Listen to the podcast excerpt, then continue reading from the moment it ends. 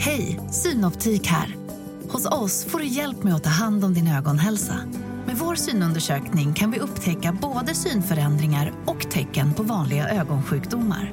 Boka tid på synoptik.se.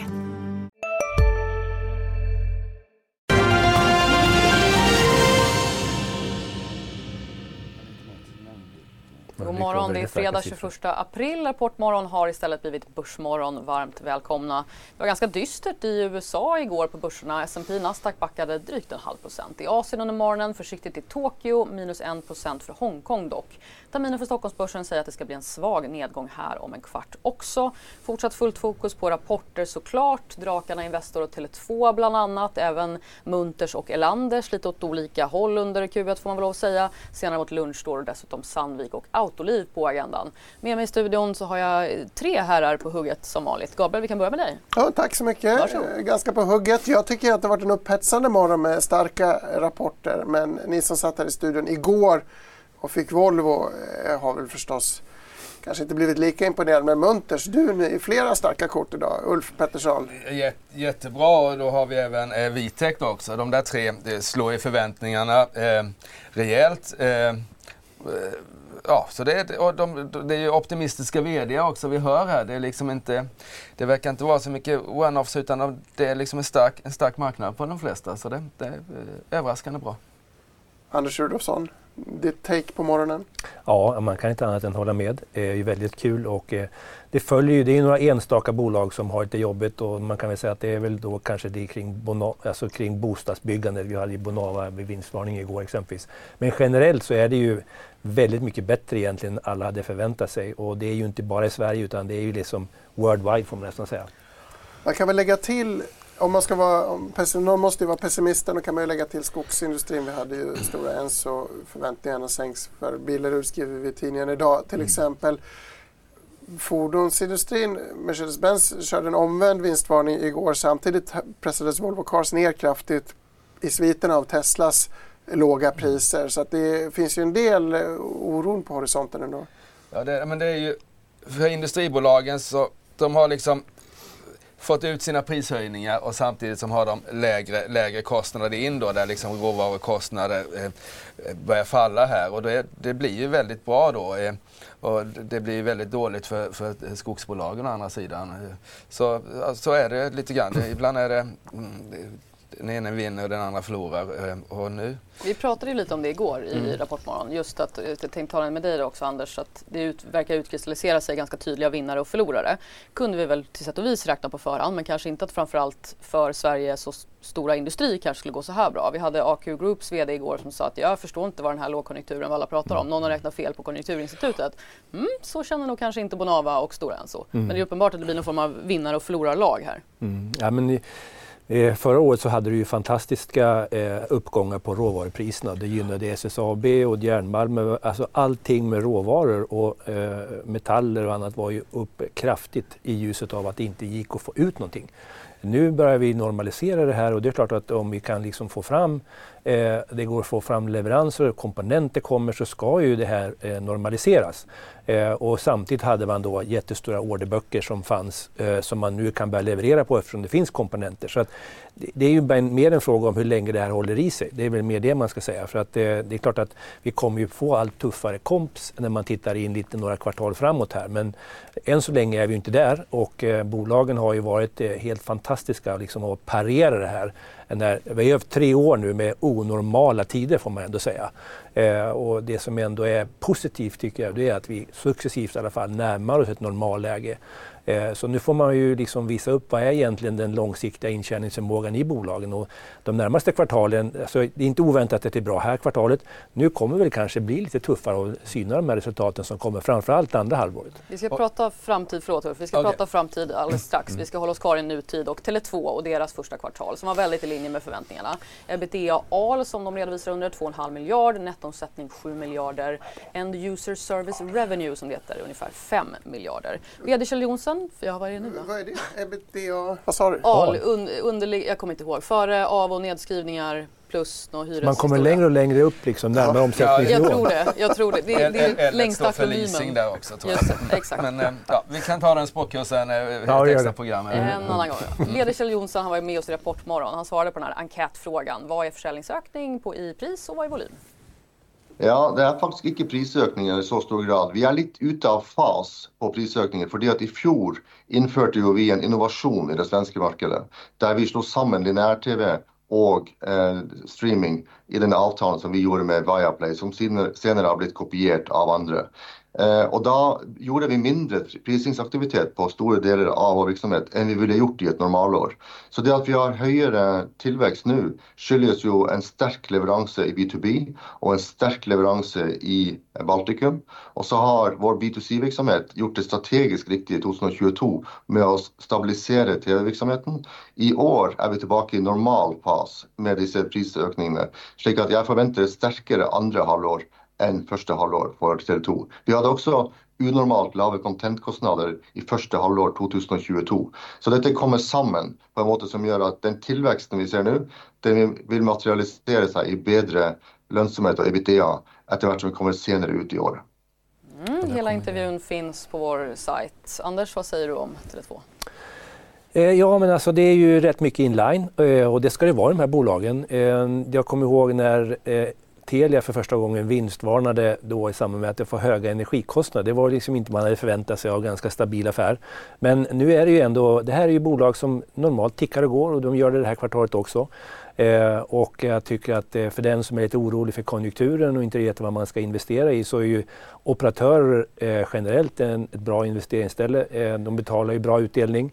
Eh, och man normalt behöver ju inte vara orolig för att det är, liksom, det är marginella förändringar över åren i, i kvartalsrapporterna. Och man kan väl säga då, lägga till någon asterix där med när det kommer till Telia just om man, visst hög utdelning men deras aktiekurs har ju också halvt kollapsat ja. för att vara just en operatör. Ja, det är väl lite osäkert. Det är inte riktigt, det är, intresset för operatörer eh, har ju varit ganska lågt. Ehm, får man väl säga. Och det är inte bara svenska operatörer utan det är lite generellt faktiskt. Och det har ju att göra med att man under en period här vill man ju leta bolag som kan växa. Ehm, och det, är väl, det här är ju en typisk defensiv och det är inte det som riktigt har funkat nu på slutet.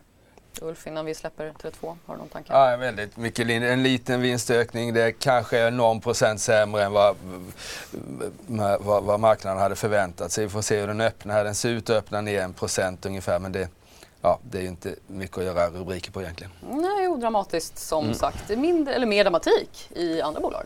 Men Uffe, när mina barn frågar ikväll då, pappa, pappa, vad är ebitda egentligen? vad ska jag säga till dem då? Får de eh, messa mig. Men det är ju earning before interest. Amortization as special losses. Har du inte lärt dina barn att googla? Nej, det är väl att de ska tro att pappa är de kör på ChatGPT, det är det? Ah, ja, ah, ja. Exakt. Mm. Ska vi gå vidare till Munters eller ska vi köra lite mer frågesport som vi gjorde i början av eh, Rapportmorgon? Ja, men ta du Munters och gärna en ordvits på det så, så blir det bra. Vilket är Europas största börsbolag?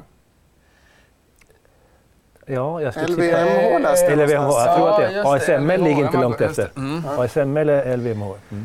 Men Sveriges muntraste bolag idag, ja, vi får se. Munters lär i alla fall handlas upp rejält på den här starka rapporten som kom, kom ut tidigare i morse. VD var med oss i Rapportmorgon för att förklara eh, resultatslyftet och kortversionen av den intervjun lät så här. Eh, jag tycker alltså verkligen att våra strategiska ansträngningar bär frukt och det är glädjande att se. De strategiska ansträngningarna bär frukt. Nu sprakar det lite, hoppas du inte försvinner här. Kan du ge oss lite mer färg på de ansträngningarna? Vad är det som ni har gjort rätt? Det här är ju en rapport som överträffar förväntningarna med bred marginal på de allra flesta punkter. Absolut, och det är väldigt glädjande. Och, eh, som ni vet så har jag och vi talat under en lång tid att vi satsar på innovation och vi satsar på att förbättra vår operation. Och det är det jag menar med våra långsiktiga strategiska inriktning börjar bära frukt. Så att våra innovativa produkter tas emot väl av marknaden. Ni pratar ju lite grann om vår starka order-backlog eh, som nu börjar leverera. Vi ser också att eh, vi har fått igenom våra prisökningar på ett bra sätt och de kompenserar eh, till och med över de materialkostnadsökningar eh, vi har haft eh, historiskt här. Svedberg sa vi klockan. Mm, tungt i år sa vi Ulf efter rapporten men på ett års sikt desto bättre. Ja det är det. De rusade ju förra sommaren när de fick alla dessa miljardorder eh, både till eh, batterifabriker och till datacenter och aktien drog igång och blev högt värderad och sen så kom de med en Q4 där där, som inte riktigt marginalmässigt var, var liksom perfekt och dessutom en cancellerad order. Och då blev folk lite nervösa och sen så kommer det nu eh, en slags revansch här då med en rörelsemarginal på över 12 procent. Eh, och, eh, så den kommer stiga idag. Eh, är det någonting som vi får väl se här, det är ju inget, det är inget, det är inget närliggande bekymmer men orderingången är ju det idag 44 men det kanske vi inte kan, 44 procent det kanske vi inte kan prata så mycket om. Men, men borträknat de stora ordern så är den ner 18 procent och det är klart att det kommer ju liksom bli ett problem, men det blir inte ett problem på ett antal kvartal. Om det fortsätter vill säga. Framtida problem, alltid roligt. Ja. Men jag tror det var din idé det här med att ha en standardiserad fråga i Rapportmorgon den här säsongen. Det blev så i princip. Mm. Väldigt bra. Vi frågar alla gäster förstås som inte hängt med om det är volymhöjningar eller prisökningar som ligger bakom framgångarna som vi ser. För det går ju ändå väldigt bra nu. Vi har inte kommit till Investor än men det ser väldigt fint ut i den rapporten också. Ja, och det gör det. Och, det, och sen så finns det en tredje komponent som fortfarande är väldigt positiv. Det är ju valutaeffekterna här som man, som man ser. Eh, som, man ser det i svenska bolag och man ser det i amerikanska bolag så där det inte är den här vinstökningen som vi ser bland svenska bolag för, för Q1. Eh, så det är de här tre. och eh, eh det är nog mycket pris eh, och, och, lite valuta och sen så vad det gäller volym då, produkter så, så är det inte riktigt samma fart överallt. Nej, valuta, om man tar dollarn specifikt så, som är ungefär, skulle jag tro, är 7% högre det här kvartalet jämfört med samma kvartal förra året. Mm. Och eh, sen har man många bolag, vi hade ju liksom Eh, Duni pratade om att man hade legat efter hela tiden för att kunna höja. Eh, för det är ju så att eh, råvarupriserna går ju först och så måste man ta det och sen ska man kompensera. Då ligger det en lagg med ett par kvartal. Så att det, är, alltså, det är väldigt svårt att tror jag, liksom, riktigt kalibrera liksom, vad som är vad här. Men generellt så blir det ju ett det här kvartalet och nästa blir de starka kvartalen när man har med sig både valuta, man har volym, man har prishöjningar eh, och så småningom kommer man ju nu eh, säkerligen se lite högre kostnader för personal och sådär. Så att det kommer att bli lite tuffare, det kommer det att bli men man får väl njuta så länge det går. Det där är ju väldigt intressant eftersom att de flesta säger tvärtom. Alltså allt från bolagen som säger första halvåret jobbigt, andra halvåret förväntar vi oss bättre eller även då bedömare, ekonomer, vi proffstyckare ja, som fast, tror det. det. De som säger så är specifikt eh, Ericsson och Nokia egentligen. Eh, eh, att, och även, även, även eh, Tele2 pratar om det nu då, att eh, andra halvåret ska det ta fart. Så det är lite, lite i den sektorn, eh, eh, skulle jag säga, mer specifikt att det blir liksom det blir bättre efter, efter midsommar. Mm. Jag tycker framförallt att vi har fått fel. Eh, vi, eh, vi sitter här vi satt precis som under pandemin. Vilka satt, vi? Ja. Så framförallt jag. Exakt. Pessimisterna har fått fel. Rapporterna är på det stora hela, hela starka. Vi har ett par, vi byter ämne för nu blir jag anklagad här. Vi har ett par bilder från Rulle som visar priserna för containerfrakt. Bland annat. Apropå lite av en sweet spot. Många bolag har ju höjt priserna. Vi har frågat dem om höjda priser. Eh, samtidigt så sjunker inputkostnaderna. Det här är ju en av många inputkostnader, mm. nämligen frakt och transportrulle. Ja, och det är just den här diskussionen som man har och som man ser. Eh, det har ju varit, alla kommer ihåg, det stod eh, båtar, 300 båtar utanför hamnen i, utanför i San Francisco eller om det var. Eh, och det var svårt och, och alla de här containrarna stod ju på fel platser. Och, supersvårt för alla bolag och nu ser man ju att helt plötsligt är vi tillbaks i ett normalläge igen. Eh, och jag tror jag har en graf till där som visar komponenterna. Eh, det är ett annat eh, Eh, eh, en annan chart som gör att där ser man den, den är till och med lägre nu när man tittar på hur lätt eller svårt det är att hitta komponenter. Så att det är ju, vi är ju i, i, på väg in i, ett, en, en, normal marknad igen och eh, då måste man också fundera på vad det betyder. Så därför har vi ju eh, säkerligen ett antal det här hjälper till naturligtvis på marginalen för bolagen eh, eh, och jag kan ju se framför mig att det här håller i sig ett tag. Eh, och det gynnar ju väldigt många bolag också att nu helt plötsligt så går det att, både producera och leverera. Men går det att kanske tänka sig att den här är lite utdaterad på det sättet att den sträckte sig från 97, eh, mm. den prisbilden. Och idag så är ju just digitaliseringen, halvledarkomponent, liksom användandet helt annorlunda, i en helt annan miljö. Mm. Finns det någon, någon sån reservering man kan göra att det kanske kan bli press ändå för vi har megatrenderna i samhället? Ja, ehm, jag tror att igår kom ju exempelvis eh, Taiwan Semi med sin rapport. Eh, och eh, de är ju världens största tillverkare av semiconductors och eh, de pratar ju om att eh, det har varit tufft i Q1. Man ser nog fortsatt framför sig lite svagare i Q2. Och det är ju intressant för här pratar vi snarast om att det liksom är för mycket. Att det helt plötsligt så är det liksom eh, överutbud på grejer eh, och det här att efterfrågan börjar vika lite grann. Så att, men aktien var ju ändå lite på plus.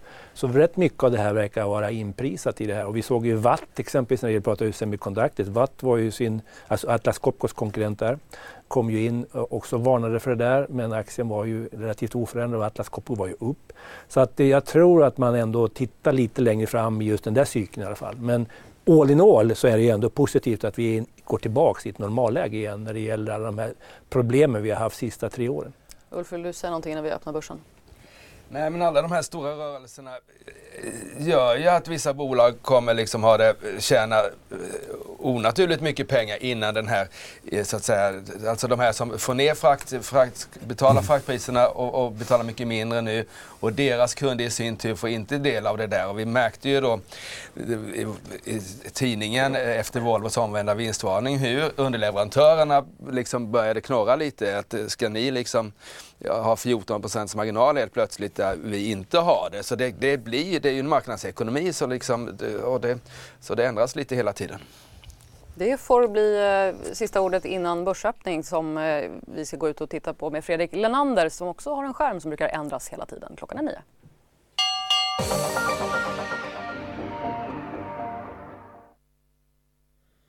Så är det, Emelie. Det är eh, naturligtvis trevligt att komma hit ut och se på siffrorna denna morgon där Stockholmsbörsen då öppnar något bättre än förväntat. I sidled lite positivt än så länge här medan vi ser att vi inte har fått in några eh, på storbolagsindexen här större vinnare och förlorare. Vi kikar tillbaka på det lite senare. Eh, vi har annars eh, storbolagsindex som går ungefär som eh, Stockholmsbörsen i stort, något bättre. Men men vi vet ju att ni ser fram emot Sandvik idag. Vi håller naturligtvis koll på den kursen i sidled än så länge där med en eh, rapport som man då tror på ett starkt första kvartal från analytikerna. Eh, vi kikar vidare på Tele2. Där hade man ju rapporterat något lägre rörelseresultat än väntat och eh, aktien är hittills tillbaka omkring 3 där. Autoliv annars rapporterar också senare idag, precis som Sandvik. Där är det en handling i sidled än så länge. Investmentbolaget då, Investor kikar vi på. Där eh, landade totalavkastningen på 9% ungefär i linje med index och eh, ja, vi ser det inte så stora förändringar där heller. Elanders har vi ju pratat om förra veckan. Där hade man ju då belastats av en eh, tidigare historisk post och aktien handlas just nu ner något. Men då kikar vi på de lite muntrare rapporterna denna morgon. Vi börjar då med, som ni har konstaterat, Munters muntra dag där man är upp tvåsiffrigt hittills eh, och eh, det ser ju trevligt ut för Munters. 12% just nu uppåt. Även positivt för Duni och Vitec idag med fina rapporter. Där är Duni upp något mer kring 5-6% Vitrolife också upp även eh, badrumsbolaget Svedbergs ligger än så länge upp hittills. Och eh, ja, det kommer ju bli en, eh, en intressant dag med fortsatta rapporter. Alltså alla har inte rapporterat ännu. Men Stockholmsbörsen handlas alltså i sidor än så länge något positivare än förväntningarna. Hej, Ulf Kristersson här. På många sätt är det en mörk tid vi lever i. Men nu tar vi ett stort steg för att göra Sverige till en tryggare och säkrare plats. Sverige är nu medlem i Nato. En för alla, alla för en. Har du också valt att bli egen? Då är det viktigt att skaffa en bra företagsförsäkring. Hos oss är alla småföretag stora och inga frågor för små. Swedeas företagsförsäkring är anpassad för mindre företag och täcker även sånt som din hemförsäkring inte täcker. Gå in på swedea.se företag och jämför själv.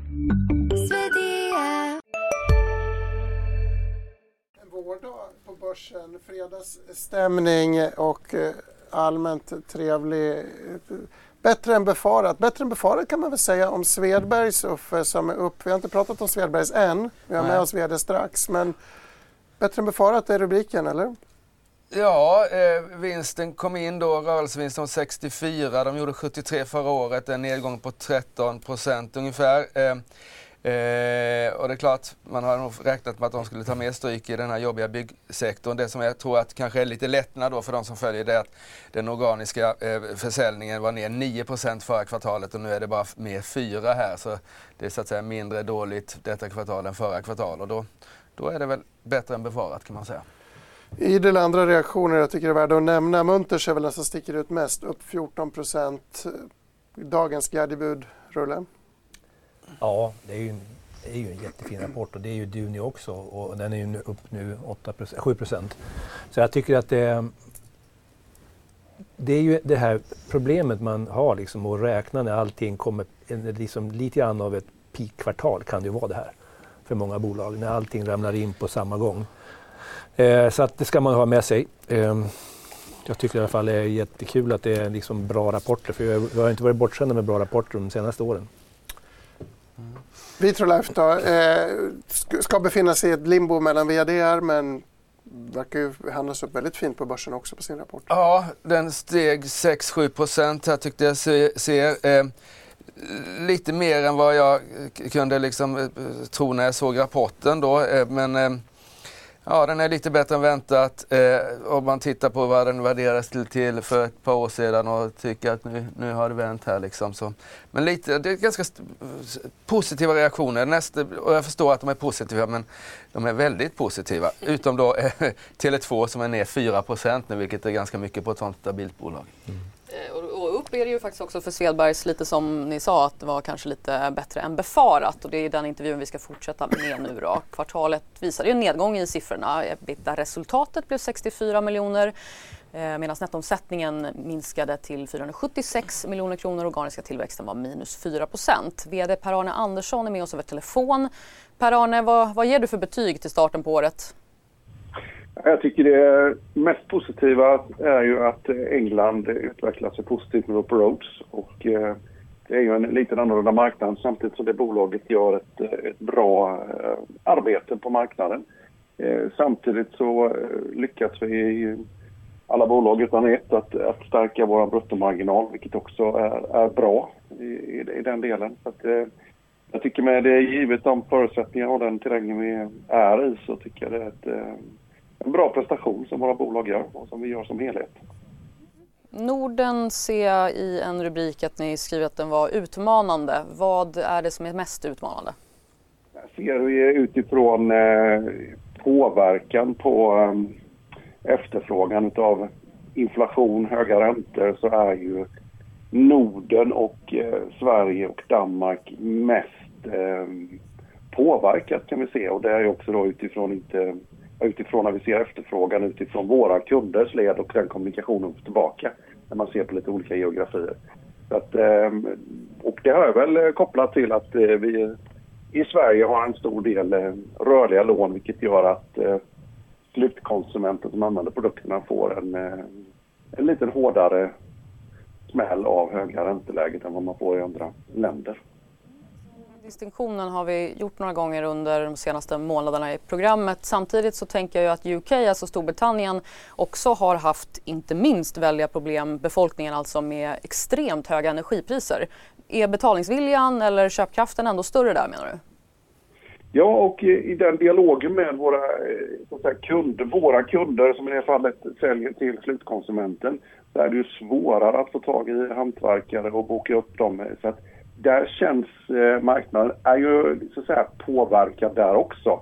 Men där ser man ju att man pratar i eh, volymnedgång någonstans 9-10 procent. Och samtidigt ska man lägga på minnet att vi då har eh, haft prisökningar under de senaste åren kan man väl säga då efter eh, covid i den delen så att det kompenserar ju upp den i absoluta värden. Så sätt. Så att, eh, men, men det är inte, engelska marknaden är inte så drabbad än som eh, Norden och Sverige i det fallet. För året så sa ni att ni trodde att prishöjningar skulle få full effekt under 2023. Har de gett det redan eller väntar ni fortsatt under året? Ja, vi har ju en eh, något... Eh, jag hade väl önskat att en bättre lageromsättningshastighet. Det tar lite tid innan vi liksom eh, får ur den delen med eh, materialpriserna så att säga på våra, våran, eh, vårat lager. Så det är klart att vi kommer få en vi räknar med att vi kommer på, få en viss eh, marginalförstärkning framöver så att säga också i, i den delen. Eh, Roper Roads i England har legat lite efter i justeringen av sina priser och eh, de kommer att justera här i halvårsskiftet också. I den. Finns det med på agendan eller i resonemangen internt frågan hur mycket prishöjningar kunderna tål? Med tanke på om det nu är pressat i plånboken så kanske man får ta lite lägre marginaler men håller igång sin försäljning åtminstone. Ja, alltså det vi ser är ju att eh, det kommer att plana ut nu. Vi ser att kostnadssituationen eh, och framförallt frakterna som vi nämnde tidigare såg jag, eh, är ju mer, mer på normala nivåer så det kommer att plana ut. Och här är ju så att eh, kommer väl eh, hamna i lägen där vi kommer att vara proaktiva på, på marknaden på olika sätt. Men vi jobbar ju med produktinnovation och produktutveckling för att eh, ha ett attraktivt erbjudande och här är ju naturligtvis pris en komponent när man vänder sig till, till marknaden att kunna vara stark på marknaden och den, eh, där vill vi försvara våra positioner och gärna ta positioner. Ja, god morgon Per-Arne Anders Rudolfsson här. Jag tänkte bara kolla, det är ju ändå eh, utmanande för eh, hela Europa egentligen när det gäller bygg och man ser ju fallande starter av bostäder i de flesta länder och så vidare. Hur ser du kommande kvartalen eh, framför dig lite mera efterfrågemässigt? Den är, den är jättesvår. Eh, det finns ju ett stort behov av bostäder och byggandet samtidigt som du säger att det ser till att det, går neråt i, i den delen. Eh, utav nybyggnation så räknar vi någonstans 15 procent är det som påverkar vår, vår koncernomsättning ungefär. Så att eh, den påverkar ju, den som är viktig för oss är ju det som är renovering, eh, underhåll och förbättringar då i den. Så det är klart att, eh, men det, det vad säga, med det marknadssituationen vi har, eh, hög inflation, eh, vi har eh, räntor som är höga och kanske till och med blir lite högre och inflation på olika varor så det är klart att det, det blir ju mindre pengar över till att spendera på den typen av produkter som vi säljer på marknaden. Så det, sen hur mycket det påverkar, den är jättesvår för oss att säga. Tittar man bakåt så kan vi säga att det, tycker vi gör det bra. Men framåt är det mycket osäkerhet i marknaden. Mm, det märker vi nog av vi också här. Vårt jobb är ju att gissa på framtiden. Tack så mycket Per-Arne Andersson för att du var med oss i Börsmorgon. Ja, det känns ganska sådär lågmält. Oj, här behöver vi kavla upp armarna va? Ja, men 15 procent nybyggnation och den är ju i, i källaren här och det, jag tror inte det är liksom, man, där pratar man, man hoppas nog att det ska vända andra halvåret men det är frågan för mm. det är nog först när liksom vi ser att räntorna börjar gå ner igen som man vågar köpa en, en, ett hus som en, eller en lägenhet som är nybyggd. Svedbergs gör ju det bra, alltså det är ju, men marknaden har ju liksom ser ju det vi ser och alla andra ser att bygg är ju liksom jobbigt, framförallt liksom bostadsbygg och det är P8 på Svedberg så det, då har man ju tagit höjd lite för att det ska vara tufft ett tag så att säga. Mm. Men det är ju helt annorlunda bolag än det var för, för den som tittar in i Svedbergs och, och kommer ihåg liksom att det här är ju bara sådana här badrumsgrejer. Mm. Det är ju ett helt annat bolag. Man får inte glömma bort heller att alldeles nyligen så var det faktiskt en ett holländskt eller belgiskt bolag som eh, la bud på Uponor. Mm. Eh, så att det är klart de, de här förhållandevis låga eh, multiplarna på bolag kommer, vi, kommer säkert inte att bestå. Det kommer att vara folk som, eller eh, företag som letar sig in i det här segmentet. För vi vet ju att den är ganska cyklisk men den dagen det liksom tar fart igen då kan det bli rejäla uppställ. Och aktiereaktionen nästan 5% gått 43% i år. Mm. Men ner 30 på ett års sikt. Så att Ja, och är fortfarande P8 som sagt var på, på rullande 12 här. Eh, eh, nej men det är ett nytt bolag, de gjorde ju det där jätteförvärvet i, i Storbritannien så Storbritannien står för halva Svedbergs nu. Mm. Alltså det, är, ehm, eh, da, det är Svedbergs i Dal, Dal, Dal, Dalsfors. Dalstorp va? Dalstorp ja. heter det inte längre. Den skulle jag ställt till, ja, till, till Gabriel istället för att försöka ge svar själv. Nej, jag är mer för Mattsson i Mora.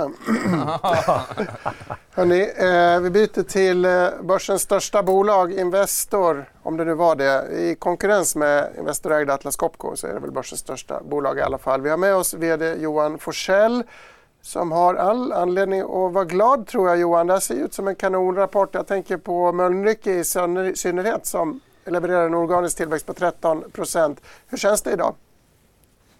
Nej, men det är som du säger, eh, det är en stark inledning på året för oss. Men men framförallt glädjande så är det ju att se den starka operationella utvecklingen som vi ser inom Patricia Industries, våra helägda eh, företag där vi under kvartalet då ser en eh, tillväxt på hela 11% organiskt och en vinsttillväxt på 35%. Så det är en väldigt stark start. Vi ser i kvartalet också att vi ser en bra bredd på den utvecklingen. Vi har ju 9 stycken dotterföretag eh, inom Patricia och 8 utav de 9 växte organiskt i kvartalet med mellan 7% och 13 procent. Så vi ser en bred efterfrågan. Den starka, och vi ser också, ska jag tillägga, att för de bolagen så har vi en oförändrad eller högre vinstmarginal jämfört med föregående år. Eh, det finns väl ett antal förklaringar till det. En är generellt att vi ser faktiskt en stark efterfrågan i första kvartalet. Den andra är att vi ser minskade störningar i leverantörskedjorna globalt. Och den tredje faktorn är förstås att prisökningar kommer in samtidigt som vissa kostnader som till exempel fraktkostnader har kommit ner. Jag som trodde att onoterat var ute. Men det här låter ju helt fantastiskt. Ja, nej men jag tycker att man ska inte göra en definition på onoterade företag eller noterade företag. Det viktigaste är förstås att man äger starka, bra, välskötta företag. Eh, och om jag tittar i vår portfölj, vi har en stark portfölj eh, med mycket medicinteknik och automation inom vår onoterade del. Det här är bolag som har stark sekulär tillväxt, eh, höga vinstmarginaler och bra kassaflödesgenerering. Så att jag tycker vi har en fantastiskt stark portfölj inom Patricia Industries. Vi brukar fråga alla bolagen om eh, tillväxten beror på prishöjningar eh, eller volymökningar. Om vi börjar med Patricia då, kan du ge mig en känsla för dynamiken där i de här eh, nio bolagen? Ja. När det gäller prishöjningar så varierar det faktiskt kraftigt hur stora de är mellan de olika bolagen. Men om jag tittar aggregerat så som jag nämnde så var den totala tillväxten 11%. Merparten utav det är volymtillväxt, men det är också en betydande priskomponent i den organiska tillväxten. Kan vi prata lite om Mölnlycke också? Det ser ju väldigt bra ut. Förut har vi klagat över låga marginaler. Hur utvecklas de och varför? Ja, när jag var här med i TV i samband med fjärde kvartalet så förklarade vi ju att den marginal som Mölnlycke hade i fjärde kvartalet, den var under den nivå vi vill se. Sen har vi ju sett en väldigt stark marginalexpansion sekventiellt i det här kvartalet. EBITDA-marginalen gick från 22% i 4Q till 28% i det här kvartalet. Och det är också 2 procentenheter över föregående år. Det finns ett antal förklaringar till det. En är den starka tillväxten. Vi ser en tillväxt på 13% för Mölnlycke. Eh, en annan parameter här är att vi har en positiv eh, mixeffekt, vilka produkter som säljs. Vi ser också lägre logistikkostnader i kvartalet. Och slutligen då viktigt också, fjärde kvartalet påverkades negativt av störningar i Mölnlyckes fabrik i USA där man tillverkar produkter inom wound care. Och här såg vi en mycket bättre situation på arbetskraftstillgången i den fabriken i det första kvartalet. Så det är helt enkelt ett antal faktorer som sammanfaller till det positiva i det här kvartalet. Jätteintressant. Uffe, vill du komma in med en fråga? Ja, hejsan Johan. Vi pratar ju om Patricia här. Hur ser du på investeringsmöjligheterna framåt? Är det så att säga Eh, addera bolag eller ska de här befintliga bolagen köpa bolag i sin tur? Och hur resonerar du? Hur mycket pengar kan det tänkas bli att investera i den delen? Ja, äh, det är en bra och viktig fråga förstås. Jag ska börja med att säga att i det här kvartalet så har vi framför allt från Investors sida skjutit till pengar till Piab som har genomfört två stycken tilläggsförvärv. Och vi sköt till knappt en kvarts miljard för att genomföra dem. Det här är två förvärv som stärker positionen för Piab eh, både på den franska och tyska marknaden och inom viktiga segment som fordonssektorn och i rena förvärvet additiv tillverkning. Eh, den typen av förvärv i våra nio dotterföretag kommer vi fortsätta att stödja, det vill säga tilläggsförvärv, bygga på de starka plattformar vi har. Det är definitivt en prioriterad inriktning framöver. Och Här har vi en stark pipeline som vi fortsätter att jobba på.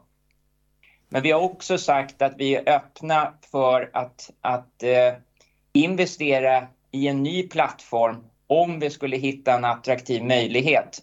Och Här har vi sagt att vi tittar inom områden som till exempel Industrial Technologies.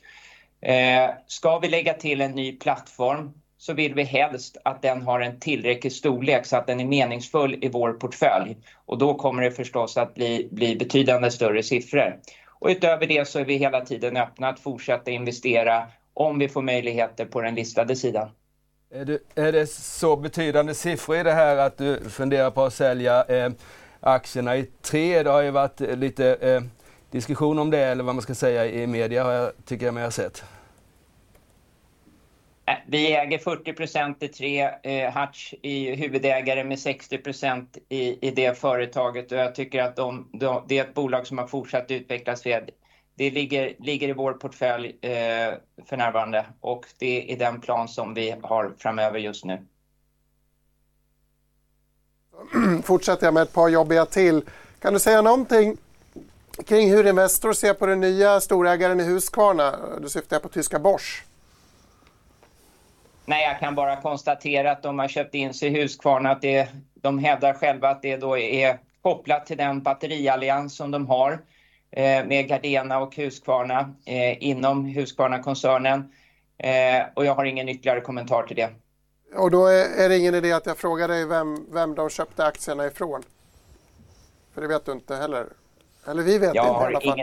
Jag vet inte vilka de har köpt aktierna från. Du, en annan svår fråga jag kan svara på, men jag vill ta upp den i alla fall. I februari så skrev en del italienska tidningar om uppgifter om ett kinesiskt bud på hela eller delar av Electrolux. Jag vet inte hur seriösa de här uppgifterna var. Eh, men skulle Investor kunna tänka sig att sälja Electrolux om hela eller delar om det kom ett eh, seriöst bud från en kompetent köpare? Under föregående år så hade Electrolux, som är välkänt, en del utmaningar. Eh, dels så såg vi att efterfrågan kom tillbaka efter att det har varit en stark efterfrågan tidigare. Vi såg kraftiga volymfall både i Europa och i USA. I tillägg till det så har man också haft svårigheter att eh, få den effektivitet man vill se i den amerikanska fabriken. För oss som huvudägare så är det viktigaste nu att stötta bolaget att nå den förbättrade lönsamhet som bolaget siktar på. Och Man har en klar plan för att få upp effektiviteten i den amerikanska fabriken, öka försäljningen utav reservdelar, eftermarknad och ett par andra initiativ för att komma tillbaka till en bättre och starkare lönsamhet. Där ligger hela vårt fokus just nu. Right. Eh, Jag tolkar det som att det inte lägger så mycket kraft på en försäljningsprocess alltså. Kan du ge mig ett superkort eh, Wärtsilä? Eh, hur går städningen i Wärtsilä? De kommer med rapport i nästa vecka, så jag vet inte hur mycket du kan säga här. Ja, nej, precis som du säger, jag får vara försiktig. Jag sitter i styrelsen i Wärtsilä, men jag tycker att Håkan Agnevall och hans ledning gör ett mycket bra jobb med att eh, vända om det här. För här är ju också ett område där vi har klara ambitioner att få upp lönsamheten framöver. Det handlar om ett antal olika faktorer. Det handlar om att vi nu ser till att vi får ut prishöjningar. Där har man haft orderböcker, där man har haft helt enkelt för låga priser i förhållande till de kostnader vi har sett. Det är en viktig del. Eh, Håkan och teamet jobbar också hårt på att förbättra projekteffektiviteten i företaget. Och Sen slutligen så har vi viktiga tillväxtsatsningar här. Det gäller att ta fram olika typer av gröna produkter och i kvartalet så annonserade eh, Wärtsilä eh, att man i USA för en viktig kund på powersidan, att man kunde köra då motorn med eh, 25% blend vätgas. Det här reducerar koldioxidutsläppen betydligt och det med väldigt god effektivitet i motorn. Den typen av satsningar, gröna bränslen, kommer att vara fortsatt högt prioriterat och vi investerar mycket bakom det. Mm, men någonting vi kanske får mer svar då på nästa vecka. Tack så mycket Johan Forsell för att du var med här i Börsmorgon. Hörrni, det här blev långt som vanligt tänkte jag säga. Det finns mycket att prata om. Så vi tar en liten andningspaus från studion. Går ut till Fredrik istället som får berätta om det fortfarande är sådär fredagsmuntet på börsen. Ja, här kan vi inte andas. Siffrorna studsar upp och ner som vanligt och vi har en lite gladare dag på Stockholmsbörsen än vad som var kanske väntat. Det handlas i sidled eller något uppåt fortfarande och det kanske är på grund av de här ganska trevliga rapporterna som har kommit några stycken idag. Eh, tittar vi på storbolagen, där är Nibe Ericsson och Volvo då bland de gladaste. Där Volvo bland annat har fått en höjd eh, riktkurs av eh, flera storbanker och analyshus. Eh, Tele2 då som har rapporterat idag tynger då storbolagsindex. Vi ser de här backar omkring 4 än så länge. En eh, rapport då som var något lägre rörelseresultat som ni varit inne på tidigare. Vi väntar ju fortfarande på Sandvik naturligtvis rapporterar då vid lunchtid och eh, där har man meddelat idag att de har utsett en ny chef för verksamhetsområdet Manufacturing Solutions. Så det kan ni läsa mer om på di.se men vi får se också hur den rapporten kommer in senare idag. Investor var ni ju inne på alldeles nyss, talade med dem och de eh, riktigt glada siffrorna hittar vi nere vid Munters, Duni och Vitrolife där. Munters och Duni är uppe just nu nästan tvåsiffrigt på positiva rapporter denna dag. Vi har då Husqvarna som fått en eh, ja, sänkt rekommendation av Handelsbanken på kort sikt till behåll och där har vi något neråt. Accunair också en tvåsiffrig förlorare idag. Det radarsensorbolaget som då minskat eh, förlusten men kursen har svarat ganska kraftigt neråt. Stockholmsbörsen som helhet alltså något positivt ändå idag. Ändå lite positivt och eh, skönt med lite fredagskänsla i alla fall. Hörrni, långt samtal med Investor, många olika ämnen. Jag är väl lite besviken på eh, Electrolux försäljningssvaret som handlade mer om arbetet med bolaget än någonting annat. Nej, men de vill ju inte sälja på dessa nivåer när det har varit uppe liksom långt över 200 spänn. De vill ju, och de behöver ju inte några pengar här utan det som, det som är eh, Investors smala lycka, eller det som de har gjort väldigt bra under många år, det är ju att de stora innehaven går jättebra. Atlas Copco, ABB, AstraZeneca, SEB, Epiroc, EQT, Sobi nu, Saab. De åtta största går som tåget. Mm. Och sen så har vi då surdegarna, Ericsson, Wärtsilä, Husqvarna kanske, Electrolux som är liksom små innehav. Eh, och ja, de har gjort det och de har hittat sin vi som har suttit eh, och tittat på den här marknaden i decennier har liksom kommit ihåg att man visste vad, liksom lite, vad skulle de hålla på med under, under hypen, 99-hypen och sådär. Men de har hittat sin, sin, sin, sin metod nu med att stärka den onoterade delen, göra det inom medtech där man har liksom visat sig vara duktiga. Eh, och sen så lyckas då liksom även få fart på de här eh, noterade. Så de gör det jättebra. Det, fortsatte det här kvartalet tycker jag. Det man kan lägga till är, alltså, du nämner ju inte Mölnlycke, men Mölnlycke är ju nu deras tredje största innehav mm. om man tittar på eh, vad det blir per aktie. Just det, det här var en börsnoterad portfölj. Mm. Precis, och det är ju ändå så att det, det, alla pratar ju vad eh, sådär, värdet, eller NAV, alltså Net Asset Value kan bli. Och jag menar, med den här typen av resultat så eh, kan man väl fundera på om man är beredd att betala, liksom, sätta, värd, sätta upp värdet på Mölnlycke exempelvis över tid. Det är ju ingenting man gör löpande men man kan ju notera också att eh, Investor handlas nu ungefär till 10% rabatt på rapporterade värden och eh, det är ju betydligt bättre än vi så har sett för några år sedan. Så man har ju successivt jobbat ner den här rabatten får man mm. ändå säga. Mm. Det ser vi här va? Kan du inte berätta om bilden? Ja, just där har du den ja. Precis ja. Och eh, det kan vi väl alltså... Eh, Sen 98 tycker Det är en ganska lång trend. Jag kommer ihåg, eh, jag har jobbat så länge så jag kommer ihåg att man på 80-talet och 90-talet sa med att ett investmentbolag kan ju absolut inte värderas till en, en dis eller till en premium. Det fanns ju inte på kartan. Eh, nu är det ganska många som gör det.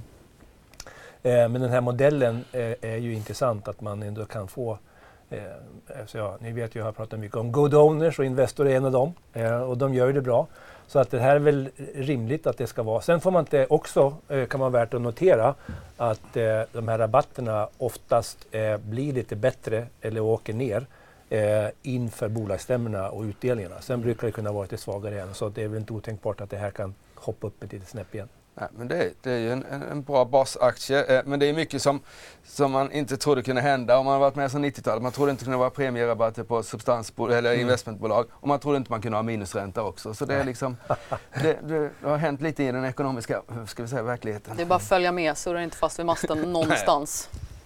Hörrni, ska vi nämna eh, Sandvik? Dels har vi en bild kvar att titta på, Rulle, Men innan vi kommer in på den så kan vi nämna att Sandvik som ju kommer med sin rapport kring lunchtid har utsett en ny chef för verksamhetsområdet Manufacturing Solutions. Mattias Nilsson från Sandvik Coromant heter han. Han ersätter Kristoffer Sut. Eh, några tankar inför Sandviks rapport mer allmänt? Tar vi den här eh, eh, eh, personförändringen där så kan man ju fundera lite att det sker liksom tre timmar innan en rapport. Är det något som har dykt upp som det blir ett vd-skifte eller är det något annat? Vi har ju ingen aning här. Vi får, vi får ju svaret liksom om Eh, klockan halv tolv idag. Eh, tar vi eh, Sandvik-rapporten så eh, eh, förväntar man sig en vinstökning, rörelsevinstökning på 18 procent vill jag minnas. Eh, eh, de hade en bra orderingång, Q4 15 procent upp och kommer väl liksom ha nytta av den där. Så det är ganska, det är ganska optimistiskt i, i Sandvik. Sen vill jag slå ett slag för i den här rapportperioden att inte bara titta på rörelseresultat som vi alla svenskar gör utan titta som amerikanerna gör på vinst per aktie. För nu får man ju liksom nu, kostar ju pengar, pengar helt plötsligt och mm. eh, Sandvik har gått från en väldigt låg skuldsättning till ändå en 35-40 miljarder i nettoskuld och den kostar ett par miljarder framåt här per år. Eh, som det inte gjorde tidigare. Mm. Om vi ska fortsätta lite på konjunkturspåret, vilket vi får säga att Sandvik är en indikator på. Anders, eh, ganska dystert PMI, alltså inköpschefsindex för Frankrike ja, inom ja, industrin. Ja, det är ju, de kommer ju de här siffrorna och Tyskland kommer säkert eh, när som helst också och det följer ju lite grann det som vi har sett i USA att aprilsiffrorna ser ju inte bra ut när det gäller PMIs. Eh, så att eh, det är väl ändå så att eh, det lugnar ner sig lite grann och det är väl det kanske som Fed vill se, jag vet inte riktigt. Eh, generellt vill väl de flesta riksbankschefer se lite lugnare ekonomi. Eh, Men vill inte riks eller eh, centralbankscheferna, vill inte de kanske snarare se att också tjänste-PMI går ner? För vad jag förstår är det den sektorn som har hållit emot underliggande inflationen och som är mest eh, inflationsdrivande. Ja, absolut. Men det är att jag tror ändå att det ena ger det andra lite om man tittar lite längre perspektiv det brukar hänga ihop ganska väl. Fascinerande ändå att vi har så starka verkstadsrapporter generellt och en PMI-siffra som ja. dyker. Ja, lite märkligt då att inköpscheferna på de här företagen är pessimistiska och vdarna sitter här och optimistiska. Ja. Man undrar kommunikationen där lite. Men nu har vi faktiskt fått Tysklands PMI här också. Då är det, på industrin är det 44,0 väntat 45,7 så det är ju rejält sämre. Det är ju mm. lägre än vad Frankrike hade. Men tjänste-PMI upp till 56, prognos 53. Så sammantaget när man räknar ihop de där två så är det faktiskt lite bättre än väntat. Men marknaden, eh, vi är ju ett industriland så marknaden eh, backar faktiskt på det här nu. Så nu är faktiskt Stockholmsbörsen eh, minus lite grann, inte mycket men ett par tiondelar. Mm. Fascinerande med sån skillnad mellan tjänste och tillverkande industri. Sen är det så, det här vi pratar april nu, de här bolagen rapporterar ju första kvartalet. Eh, så att det här kan ju leda till att det gäller ju om vi nu liksom ska ställa några frågor till bolagen nästa vecka så handlar det ju om hur man upplever starten på det här kvartalet. Ja. För det blir ju den viktiga, ja. framförallt orderingångssiffrorna. Ja, och framförallt skulle jag säga eh, relationen januari-mars. För tittar vi, det är många alltså i den här väldigt hårt pressade bygg, byggsektorn, då, inte hela byggsektorn men liksom mot, mot eh, eh bodelen så, så har vi ett antal bolag, mindre bolag, Götenehus som började varsla i januari och la ett nytt varsel i vass. Eh, började, vi gjorde ett varsel i januari och ett nytt i, i mars. Och det har andra bolag också gjort. Så det, att se rörelsen under kvartalet är ju också intressant. Mm. Se rörelse gör vi här också. I, eller vi ser rättare sagt lite orderingångar i svenska industribolag väl, Rulle? Ja, uh, det här är en, en, från en rapport som vi skickade ut ganska nyligen. Jag vill bara highlighta här att Eh, Eh, vi har ju två år bakom sig. Om man tittar lite till höger där, så 2021-2022, så ser man alltså eh, organisk orderingång i bolagen och som man kan notera då så är det ju väldigt upp, stora uppställ från naturligtvis 2021 jämfört med 2020 är det ju lätta Eh, eh, jämförande tal. Tittar man då lite längre fram här då så har vi kommit upp på ganska höga nivåer och vår bedömning då för 2023 är ju att det kommer att lugna ner sig nu. Eh, och vi, om man tittar igen ytterligare ett år till så går vi tillbaks till mera normala eh, år förmodligen. Eh, så att eh, det är ju det här som det blir den stora utmaningen för oss att hantera på aktiemarknaden. Liksom hur kommer det här slå igenom och kommer bolagen kunna hantera det här? Man betar av sina orderstockar successivt och många bolag nu som kommer att, leva, eh, kommer att leverera book to bill som liksom ligger under ett. Och det är det som blir den stora utmaningen eh, och, och försöka bedöma earnings på det. Och i nästan mittenstapeln där var ju Q2, alltså nästa kvartal. Mm. Eh, och snitt där tror ni att det ska krympa med 10 procent alltså? Ja. Det låter inte som ett jättebra mm. Q2. Så är det. Emelie, kan inte du avsluta den här sändningen med en bergsäker prognos som om vad? Vädret? Nej, jag tänkte vad vi ska göra i nästa vecka. Nästa vecka vet jag vad vi ska göra. Vädret har jag desto mindre koll på. Men... Det ska bli kallt igen tyvärr. Ah, tråkigt. Nej, det ska vara fint i helgen. Mm, så ut under helgen. Sen så kommer det säkert bli värre. Men eh, vi ska i alla fall under nästa vecka fortfarande rulla på med rapporterna. Så här ser vårt sändningsschema ut kan man väl säga. Tisdag, onsdag, torsdag, fredag har vi alltså Rapportmorgon. Halv åtta, klockan sju, kvart i sju jagar Nordea upp oss på torsdagen eftersom att de kommer så himla tidigt. Och sen 20 i eh, åtta alltså på fredagen. Det råkar vara väldigt mycket OMX30-bolag. Även storbankerna tror jag redovisar hela onsdag och torsdag.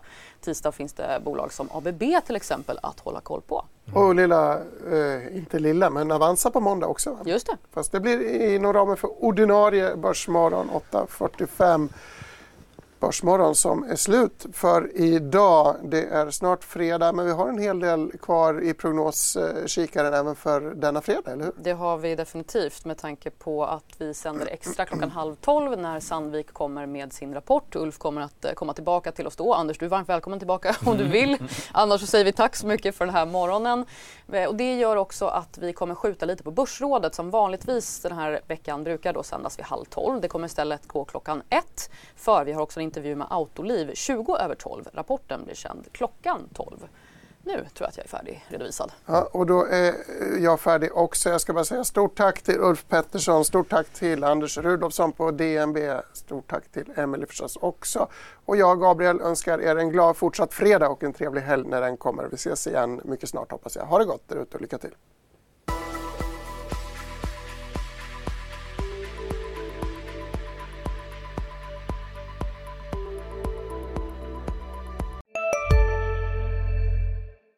Hej, Susanne Axel här. När du gör som jag och listar dig på en av Krys vårdcentraler får du en fast läkarkontakt som kan din sjukdomshistoria. Du får träffa erfarna specialister, tillgång till lättakuten och så kan du chatta med vårdpersonalen. Så gör ditt viktigaste val idag, lista dig hos Kry. En nyhet. Nu kan du teckna livförsäkring hos Trygg-Hansa. Den ger dina nära ersättning som kan användas på det sätt som hjälper bäst. En försäkring för dig och till de som älskar dig. Läs mer och teckna på trygghansa.se. Trygg Hansa. Trygghet för livet.